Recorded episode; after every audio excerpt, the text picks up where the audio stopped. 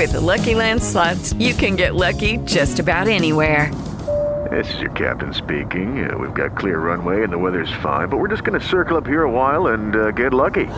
No, no, nothing like that. It's just these cash prizes add up quick. So I suggest you sit back, keep your tray table upright, and start getting lucky. Play for free at LuckyLandSlots.com. Are you feeling lucky? No purchase necessary. Void where prohibited by law. 18 plus terms and conditions apply. See website for details. Okay, round two. Name something that's not boring. A laundry? Ooh, a book club. Computer solitaire, huh? Ah, oh, sorry. We were looking for Chumba Casino.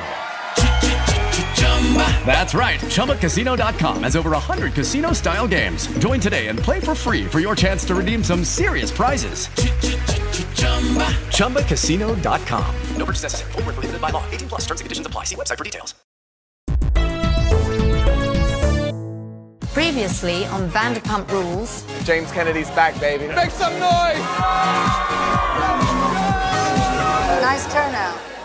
Don't try to ruin another girl's life. You will. I know it. You're dirty. You're dirty. How many parties have you done? This is my first one. Lisa's hard to impress. Can't stop making out with people that aren't your wife. Mommy, mommy. What the f- is wrong with you? If you want to be married to me, you're not going to be wasting any of your life. Rob kissed some chick. Who said this? Katie. It's just funny timing. Jax cheats, Schwartz cheats, and now it's like, oh, Rob kissed a girl. I'm texting with Rob about this whole thing, and we're both laughing, crying, emojing back and forth because it's complete bullshit. If we can just come to an agreement where, like, I keep your name and your relationship out of my mouth and you do the same, yes.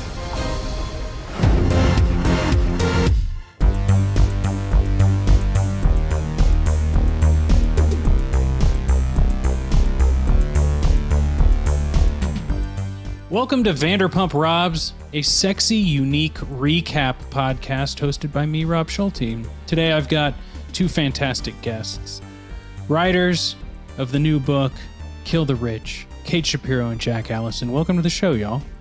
Thanks for having us. Yeah, thank you. It's a big day um, because I don't. In my world, in my Vanderpump world, uh, the new season at the time of this recording is going to be hopping on in about two weeks. No one thought it was going to happen. It's the tenth season. Really? Very, very big. I, it's a. It's strange that the show has gone for over a decade, but you know, sometimes you uh, you hook an audience So- and they can't let go. I I don't fully keep up with all the goings on, but didn't some of the cast members get canceled for racism or something like that? Is everybody back for this 10th season?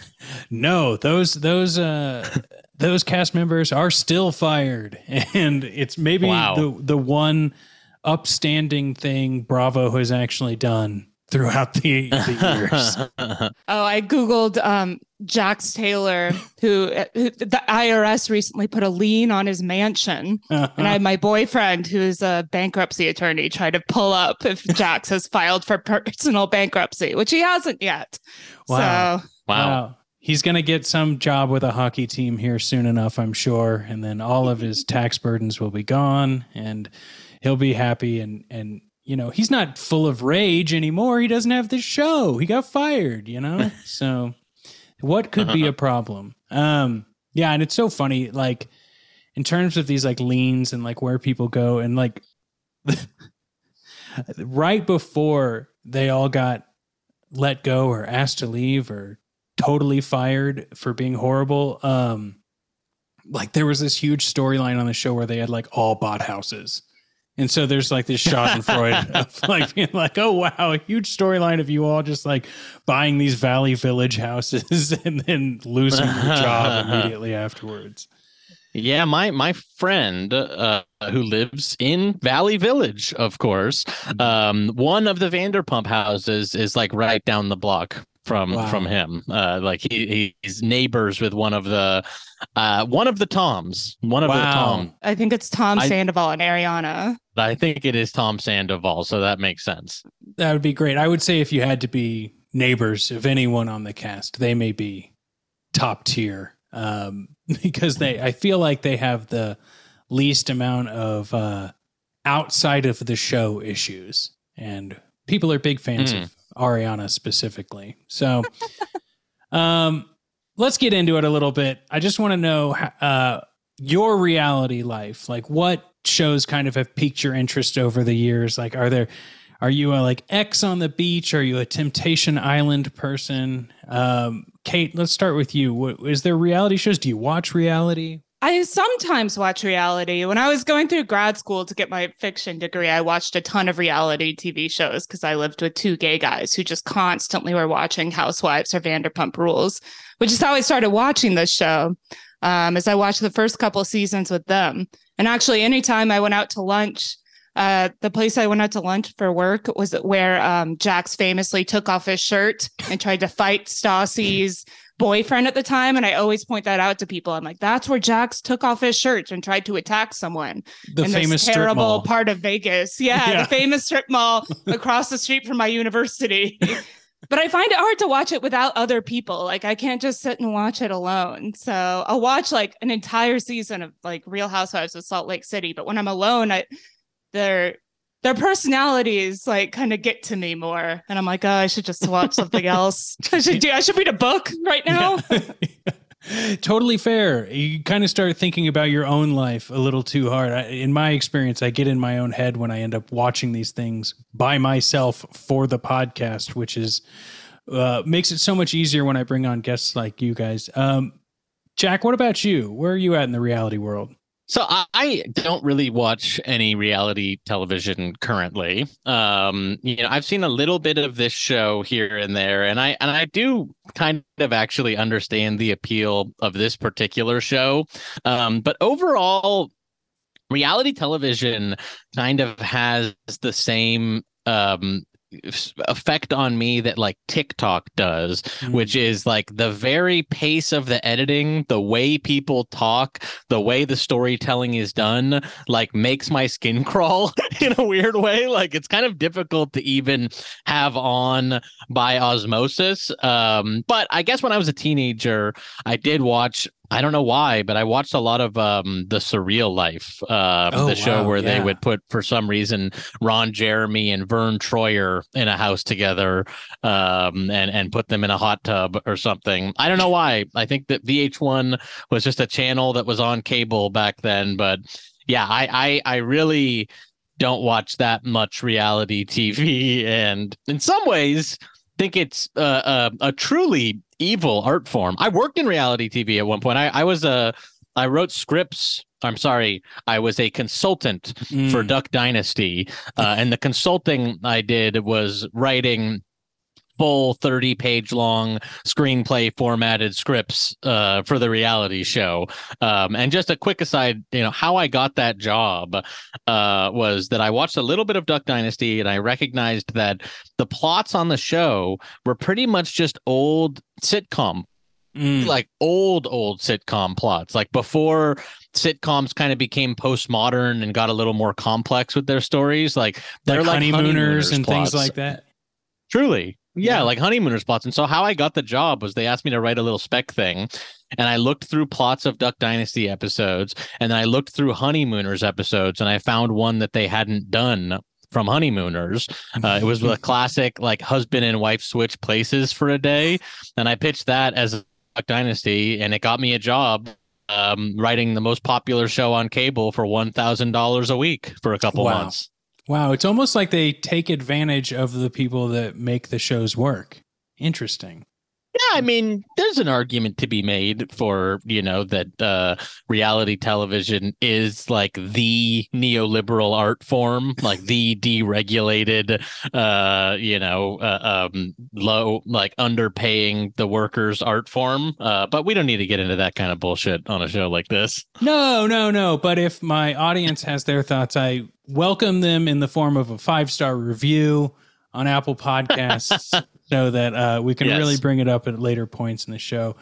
Uh, you make a good point. If you in- disagree, you know, I'll I'll read what you disagree. I'll read your disagreement if it comes in the form of a five star review. Absolutely. Everything else gets filtered out. So uh, it's just the world we live in. Now, you mentioned the VH1 shows, and Kate, I'd love your opinion on this as well, because this has come up multiple times on this show. Because let's just put it out there. My audience, you know, every episode you might have a new audience member. Folks, we will talk about the Vanderpump Rules episode, but it's what the Vanderpump Rules episode makes us talk about.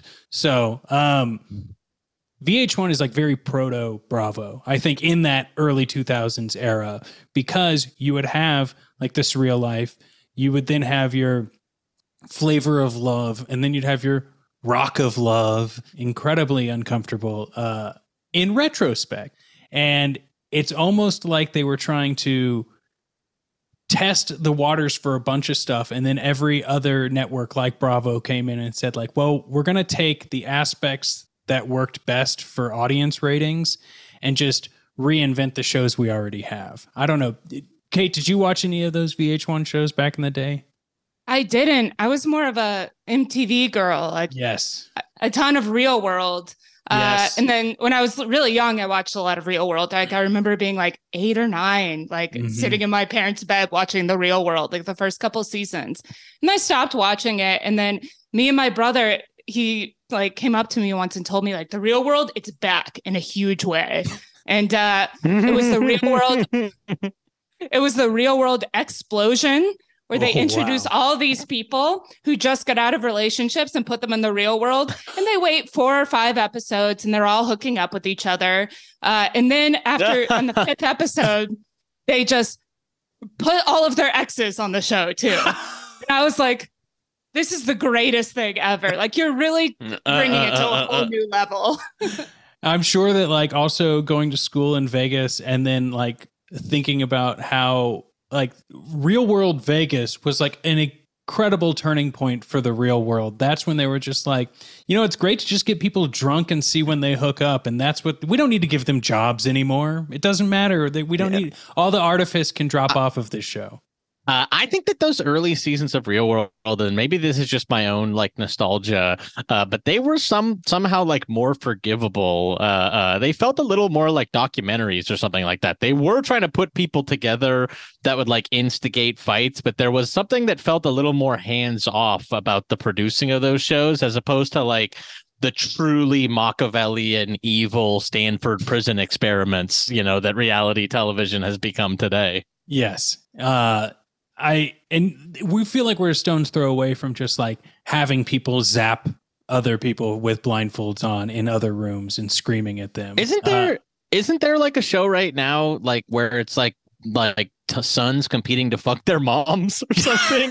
Isn't there like incest island happening? I saw there's there's like a MILF show where the the girls are having to decide which son to hook up with or something. Like we are sick. We're a sick society. Things are getting pretty disgusting for sure. Although a sick part of me wants to actually know what MILF Island is about, but nothing's going to bring me to actually turn it on. I don't think I can do that. Um, I hope that that show is a sting operation to get people on a watch list. That's the only way it could be forgivable.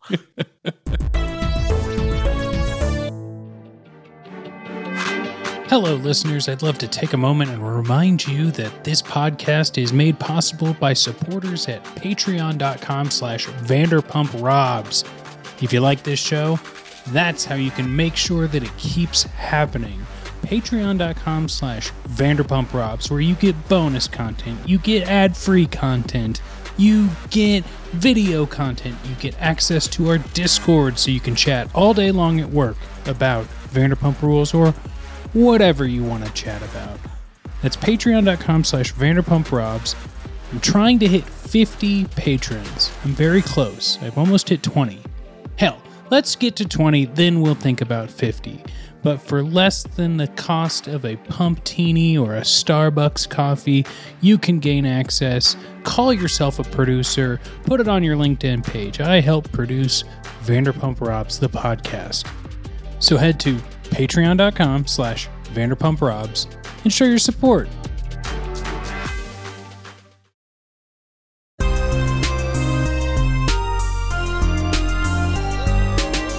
Today we watched Vanderpump Rules season 6 episode 7 It's Not About the Pasta which originally aired in on January 22nd 2018 so we are almost hitting the anniversary. We're just past it on today's recording y'all I got to tell you I've been saving this episode for some guests I really wanted to talk about it with. So for to me, this is a big day. It may just be any other podcast. I'm honored. recording for I you feel all. honored. Kate told me this is a Hallmark episode. Kate Kate knew uh, uh, that an honor had been bestowed upon us for this this pasta episode. Yeah, Kate, did you make it this far in your days of watching with your roommates? No, I think like it got kind of boring because when they realized that it's not about getting blackout drunk, which I want to talk about with Tom and Katie's like fights later, when they realized like maybe I can like have a t-shirt brand and I'm like, no, that's boring. like I just all we're here for is to see you get blackout drunk and like say crazy shit on screen. And when they stop when they become more aware of that, then it's like boring. And I think this was a great episode because like it was in the middle of a boring season, but this was like the the the pride episodes are always like the kickers where they all get really Mhm. drunk and say something stupid. And it's like And- that's what I came here for today. 100%. I think that there are tentpole episodes in every series, right? But like there's always a pride episode in Vanderpump Rules. There's always a like huge explosion episode early on uh that then they have to deal with the ramifications of throughout this season and then there's always like you know your standard ending like how are we doing this like in the penultimate episode and this is one of those ones that comes pretty close to the middle of this season. And let me just read through a, a few synopsis bullet points and then we'll talk about some more specifics that jumped out to us. So, Scheana spirals out of control when she suspects her boyfriend Rob is pulling away, forcing Lisa to come to her rescue. That's Lisa Vanderpump. Stassi assists in the in dressing the SUR staff for the annual Gay Pride celebration, while James erupts on Lala after she insults his girlfriend. He also insults her boyfriend, which we'll talk about. Jax turns to an unlikely form of quote therapy in order to come to terms with his anger and infidelity. Now, is there anything off the top that you guys wanted to talk about? Because I have my thoughts, but you're my guests. Yeah, um, you know, the Stassi subplot in this one of just, you know, it, it doesn't quite work. The rest of the episode is very, very good, but the the dramatic um tension of is Stassi going to be able to dress everybody up nicely?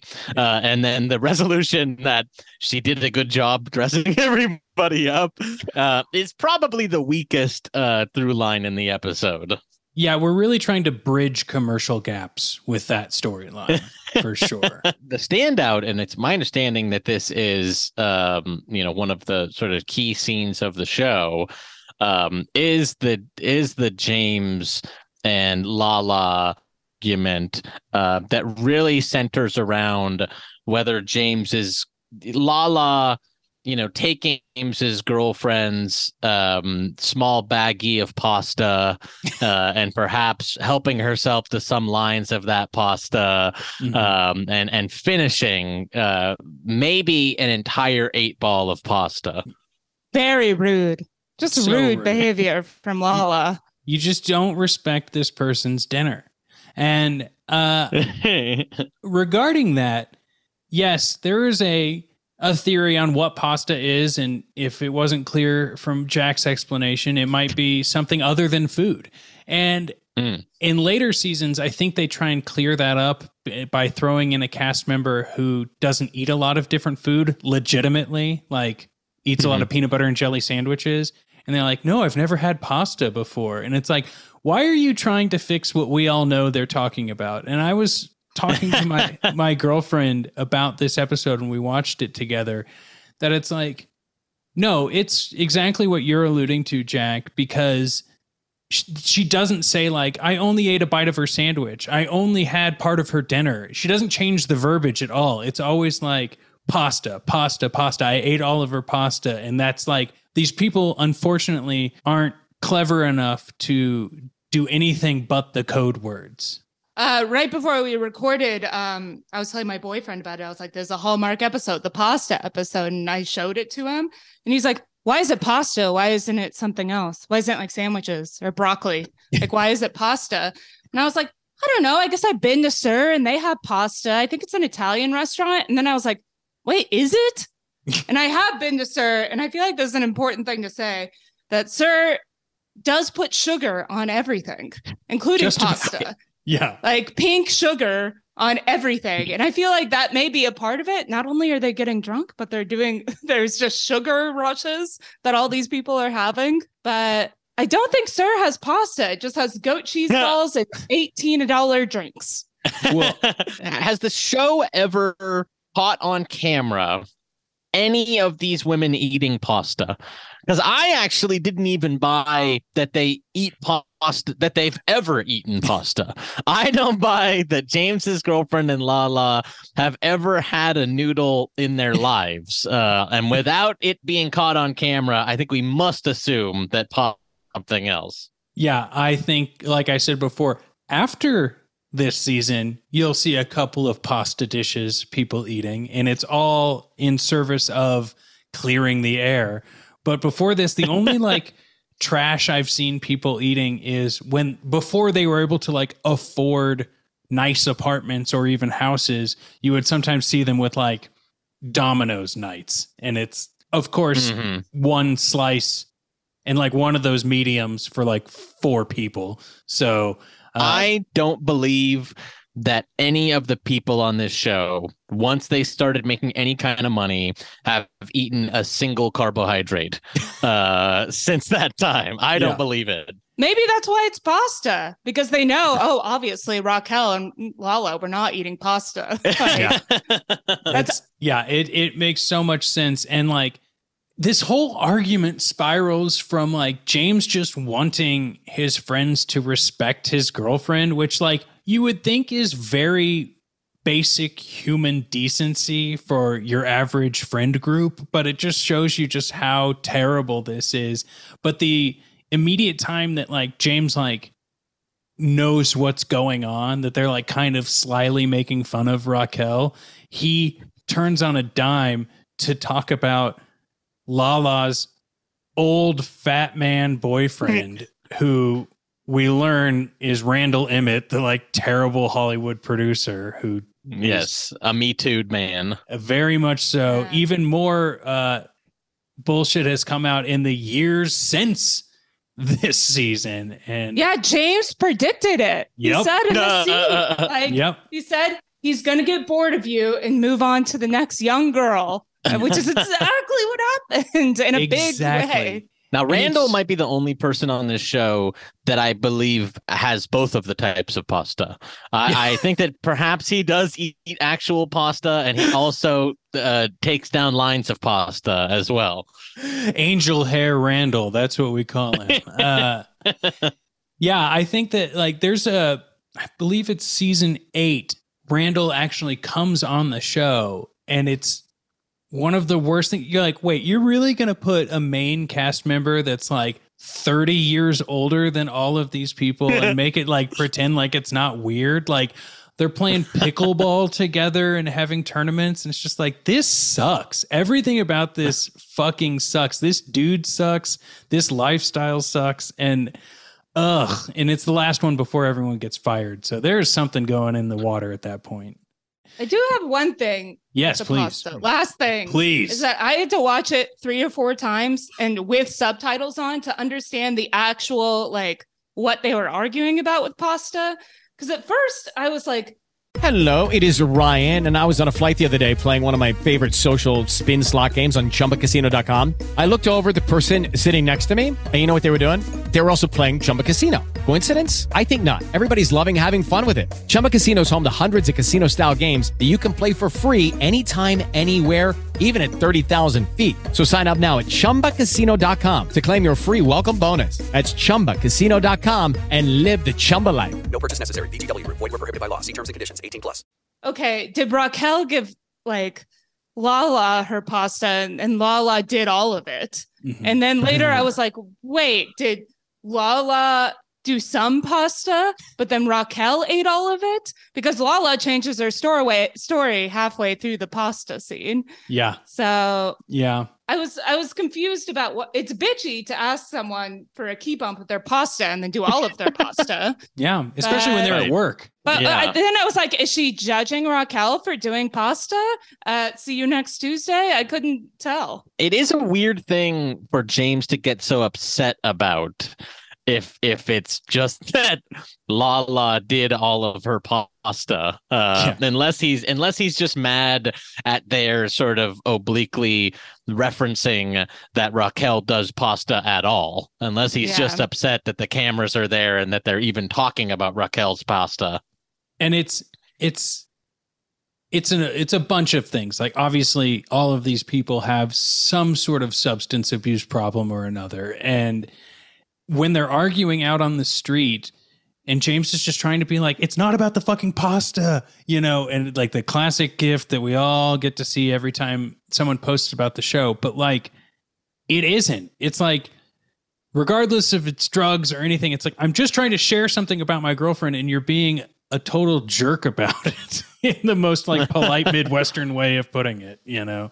This is like something that like yeah, I can't help but think about the show or in reality just in general is that it's almost like the idea of there being quantum states. It's like, you know, reality kind of portrays this as though this is the situation as it happened, but you always have to like pull out another level and say that there's cameras there mm-hmm. and there's this sort of like be, the act of being observed is altering the situation. Like they're trying to be funny, they're trying to make good television, and then they're also their reactions and anger is heightened because they know that they're by the people that are like getting picked at uh, because they know that this is going to broadcast on TV. So like there is this weird like extra level of of the fact that we are observing this is changing it.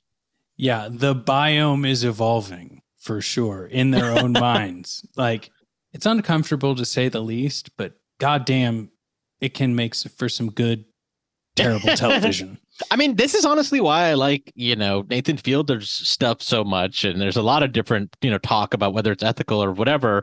Uh, what I think is so interesting about Nathan Fielder's show and the rehearsal in, in specific, it's it's really just a reality reality television show where they put the producer on the show as one of the characters. Yes. It's like if we got to watch Vanderpump Rules and, you know, Andy Cohen, and it was cutting away to Andy Cohen being like, now let's like have the mom show up and really fuck with them. You know what I mean? Like, Yeah. there's this weird not acknowledgement of that there's a psychotic man who's pulling all the strings when you watch these Bravo shows. well, and I like that that that that I that reference because it makes me harken back to some of these early reality shows that we were talking about. Like, do you all remember the Joe Schmo show? Like, this feels Sure, like the yeah. natural progression, like like Nathan Fielder's rehearsal and stuff, and like by seeing a show like that, by seeing all of these Bravo shows, being like, well, what do we do when we can like pull back even further and like show production with it, and it can make something more than the sum of its parts to sound cliche, but like it, people like it, you know. There's got to be a natural evolution to television, even at least this type of television. I think Andy Cohen is smart, too smart though, because I think actually for broad based appeal, most people actually want the buy in that this is real and that Yeah. these people are just this way. And I think that this extra layer of abstraction is kind of what made the Joe Schmo show, which I liked a lot, an unsuccessful show, Mm. uh, which makes Nathan Fielder like a sort of elevated comedy show instead of just a broad reality television show. You know, uh, I think for the most part, people actually like any television show, want to believe that these are real people for the most part. Yeah, I mean, Kate, I know you've seen a few more episodes. Um, I had someone come on the podcast who wanted to do an episode that was like in defense of Jax because Mhm. his whole theory is that like, yeah, most of the people watching this live in like Nebraska or Kansas or Missouri or something and are like pissed at this guy because it's transference of like their partner who's cheating on them or is a shitbag and they you know the the dating pool is low or whatever you want to call it. And i think that that makes so much sense to be able to point a lot of like rage at a character rather than like face it in your own living room. And that's of course a painting with a broad brush but uh i don't know. Kate any other thoughts on that? Yeah, Jax after this, when Brittany, you know, eventually forgives him for this cheating thing, which I don't think is much of a spoiler because she's No. pretty much already done it. Yep. Um, is that he gets in a redemption tale. His dad is dead and his life is hard, and he's like actually a good person, even though for the first six seasons of the show, he's cheating on people, he's beating people up, he's doing like pretty horrible, abjectly horrible, manipulative things. And uh it was weird that he suddenly gets this redemption story. And then I heard rumors, unsubstantiated rumors, but that he had charmed all the producers and the producers loved Jax.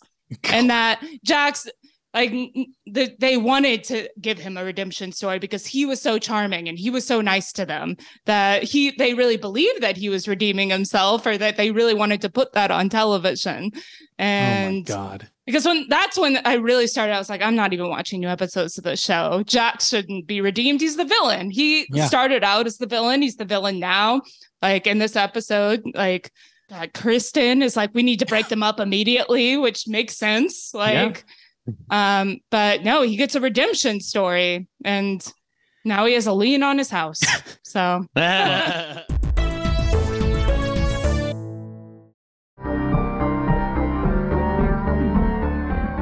you know, yeah, Jax has cheated on Brittany. There was an audio recording made and shared with everyone at their drunkest to pin it on Jax in a previous episode. And, you know, he's dealing with the ramifications of getting caught and getting caught in a in a more so than any way he's ever been caught before. And I just think it's really funny. You know, to be 100% clear here, Peter Madrigal is my buddy. I still gave him shit though when we were recording a podcast about taking people to Reiki because I think that these people, like, especially this group of folks, anything that makes you confront your thoughts is like a revelation. And it's Jack, Jack, it's kind of like when we were stuck without our phones on a flight. It's like, oh no, I'm stuck with my thoughts. You know, like I did think that was really funny. I did think it was really funny at the Reiki session that pretty much all the leader of the session did was ask Jax like would you like to think about something? And he immediately started crying. it was like the most surface level inspir- introspection. She was like, "Do you ever think about yourself?" And he's just like, "It's it's pretty tough right now." yeah. Also, he like had that confessional where he was like, nobody's asking how I'm doing after Oh, cheating on. Brittany. Nobody's asking about me. And the person is just like, Jax, you need to care about yourself after this LA $45 nap session. Yeah. Is what I assume that it is. Yeah. And like just the whole thing, like It's- Jax, you cheated on someone else, and he's like, finally, someone wants my side of the story. Yeah, I'm like, and, like- that's how it's supposed to be. at all and you can tell totally tell even through the editing that like by the end of this session everyone's like shit now if this woman asked you out you would totally do it because she is giving you any sort of attention they're like uh i don't know if this had the intended purpose that we wanted it to have Yeah. I just love like when uh those self meditation sessions ends up just being like, you need to take care of yourself to really narcissistic people. They're like, you were really right. I need to think about myself even more often than I already do.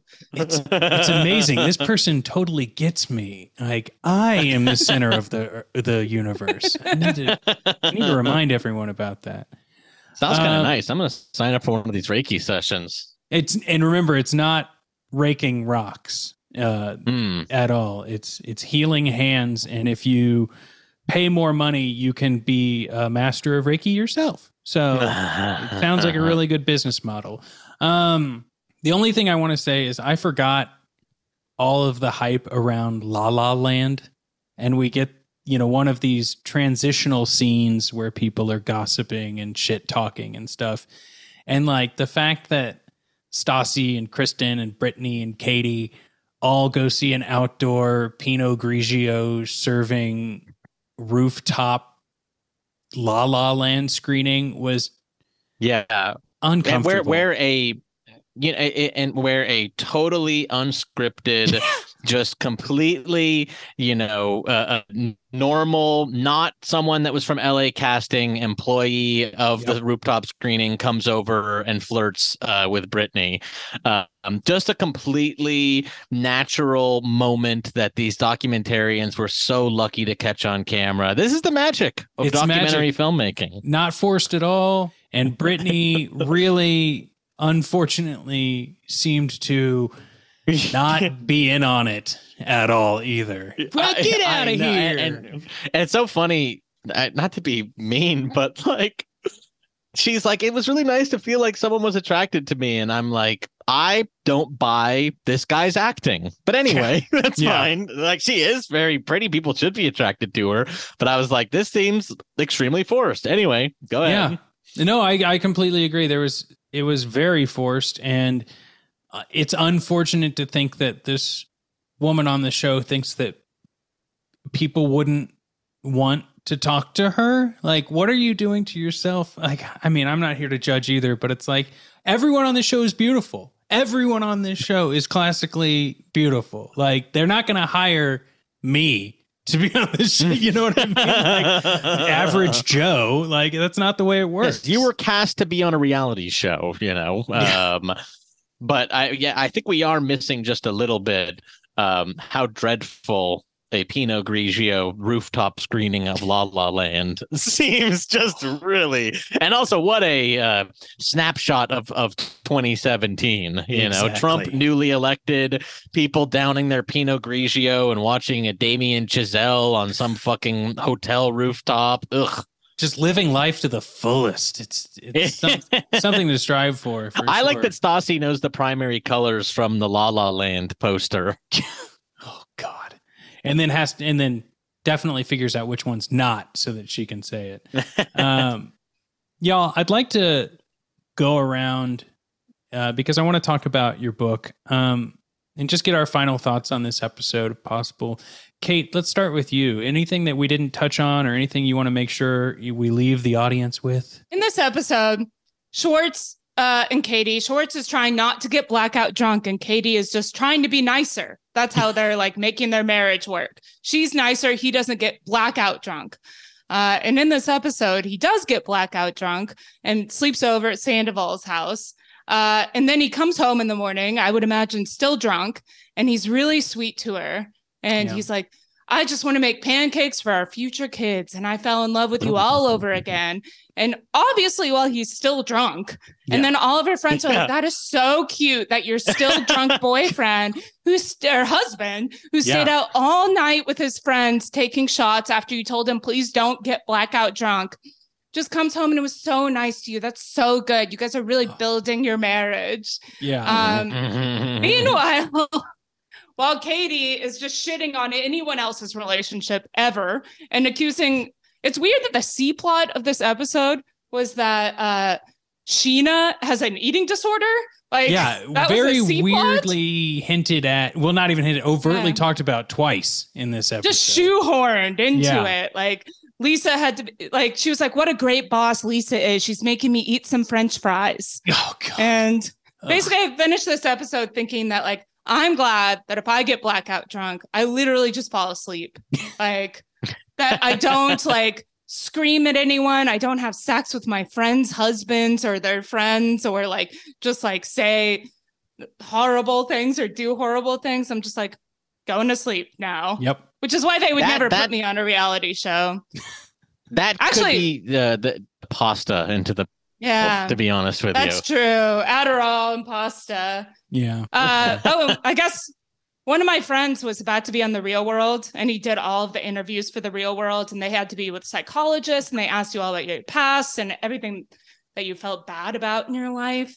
And uh, apparently the last like interview before you're on the show is there's a panel of like eight people in front of you and they just start negging you about everything you hate about yourself, all your insecurities, like just yelling at you. And then my friend just burst into tears and they're like, that's enough. You can go.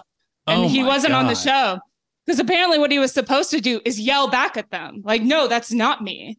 But like after all of these licensed psychologists get all of the information on why this guy's fucked up, they just use it against him. But bursting into tears is not something you can do. If you ever want to be on a you get- reality TV show, tips. Just scream back. Can you get, get disbarred as a psychologist? Because I think that perhaps that that should qualify working Yeah. for reality TV. You should be. Like apparently they're like, "Oh, your dad treated you that way? Are you like you you know, maybe you deserved it. Maybe you Ugh. deserved your dad to do that." And I'm like, I can't imagine. That sounds like my worst nightmare. Things that happen literally in nightmares. Yeah, So that just I- think all these people passed that test. that's unreal. Like it, it makes me think that anytime there are like quasi filmed therapy sessions, which already is dancing on the ri- on that line of not cool, um, that it should just say in the chyron like former psychiatrist or former therapist, just so we know that like they used to- Unethical, Yeah, unethical unethical. therapist. Uh, Jack, what are your final thoughts on this episode? I, I mean, you know, uh, um, I, I, I am not a fan of reality TV, like I said, uh, but I can't deny, and maybe it's only because I've been presented with particularly good ones uh, that Vanderpump does appeal. You know, uh, uh, these these episodes move. The characters are pretty funny. They're pretty unique, uh, funny characters. Um, I don't think I would ever watch uh, all 10 hundred episodes of it or however many they've made. um, but but um, you know, there there I get I get it. I get why people like this. this podcast started out as, you know, I'm just going to do a comedy podcast about Vanderpump Rules. Worked on a Star Trek podcast, now doing reality TV. And then, you know, of course, I get sucked in. It becomes something that, like, characters I don't care about, but like care about the story for. But so what does Star Trek get you talking about after every episode? Just like what what if a guy talked in allegory all the time? Like boring. oh wow, they're doing another uh, new season where people are going to yell the entire time. Great. Um, well, this has been awesome. I'm really glad you all made it. Um, but I want to talk about your new book. I uh, have been able to read the first part of it, and I don't want to give anything away. Uh, but it's called "Kill the Rich." I'd love for you all to tell me where the idea came from, what it's about, what you'd like to share with people, and where they can pre-order it. Yeah, um, I had the initial idea in graduate school because I was just uh, I was thinking about like public executions. I was in a medieval lit class. There's always public executions, and that was like the entertainment of the day. The reality TV show of the day was a public execution in the town square. Like, oh, that's what we do today. We're watching Yeah. Vanderpump Rules, so we're the public execution. And I was like, I wonder what kind of like political power that wielded over the people that like this was like because they're always like you know you hear you read primary sources they're like throwing vegetables at them like everyone's having a really good time at the public execution and i was thinking we live in this world now where we're very like polarized especially by class and like there's all these very very rich people who at least like back in the day you were very rich because you had some sort of talent sometimes like you were an actress or a musician or something and the kardashians like don't really have a talent. They're just people who are good looking. And I was like, what would it do for society if like those people were like publicly executed on C-SPAN for us to see? Would that help us? Like, would it help with our divisions and stuff? Like the people who kind of got by doing shitty things aren't forgiven for once, that they Mm. are, you know, actually punished for that. And then we also have that very animalistic, very uh like raw feeling of like vision like actually looking at a public execution which used to happen all the time back in like the 900s um but anyway so i wrote some short stories about it and kind of had like sort of a book of short stories about this world where a president became yeah or someone became president with a on the platform of killing all of these billionaires. Uh and then when i was uh done with those short stories. I wanted to make it into a novel. So uh, me and Jack, who've known each other for years and years at this point, kind of connected and uh, worked together. I think we're good writing partners, and that is a screenplay kind of eye for plot and comedy and stuff. And I have that MFA literary like for reality fans, the book opens with the public uh, uh, execution of Kim Kardashian, whose makeup company, you know, poisoned an entire small town. Uh, um, and then it kind of goes off to, you know, this cryptocurrency fueled secessionist town in Las Vegas, uh, run by a meme obsessed, you know, internet poisoned billionaire who may resemble uh, a certain meme obsessed um hmm. you know internet poisoned billionaire that that we know in our real world um and the book eh, hmm. you know if i if i you know not to toot our own horn but the book is very funny it's also you know um really moves and it is kind of just like a like almost like an action book but funny uh and it's a political satire. And if you want a signed copy by me and kate it's only $17 and you can go to killtherichbook.com uh to check that out and and get your signed copy for the book comes out uh, uh september 12th 2023 just like you you mentioned this kate just like the brazilians did january 7th uh we're doing september 12th uh exactly if you like this podcast and you like the discourse that I have with my guests on this podcast and how we analyze Vanderpump Rules, I highly suggest picking up this book because I do think it's for you. Um, like I said, I've started it. I think it's great. Head to killtherichbook.com and reserve your copy now. So, uh, thank you both for joining me today on this episode. It's been awesome. I really enjoyed the discourse that we had about it. I always love watching these classic memeable episodes. As we know, everyone loves a good meme, even when it's poison. So, listeners, if you would like to support this show, please head to patreon.com slash vanderpumprobs. It'll help keep the lights on and you'll get bonus content. Uh, I know you all love it, but don't do it for the content. Do it because you want to have more fantastic episodes like this one. And uh, we'll see you next time on Vanderpump Robs. Wait, Rob? Is that who we're talking about? Yeah.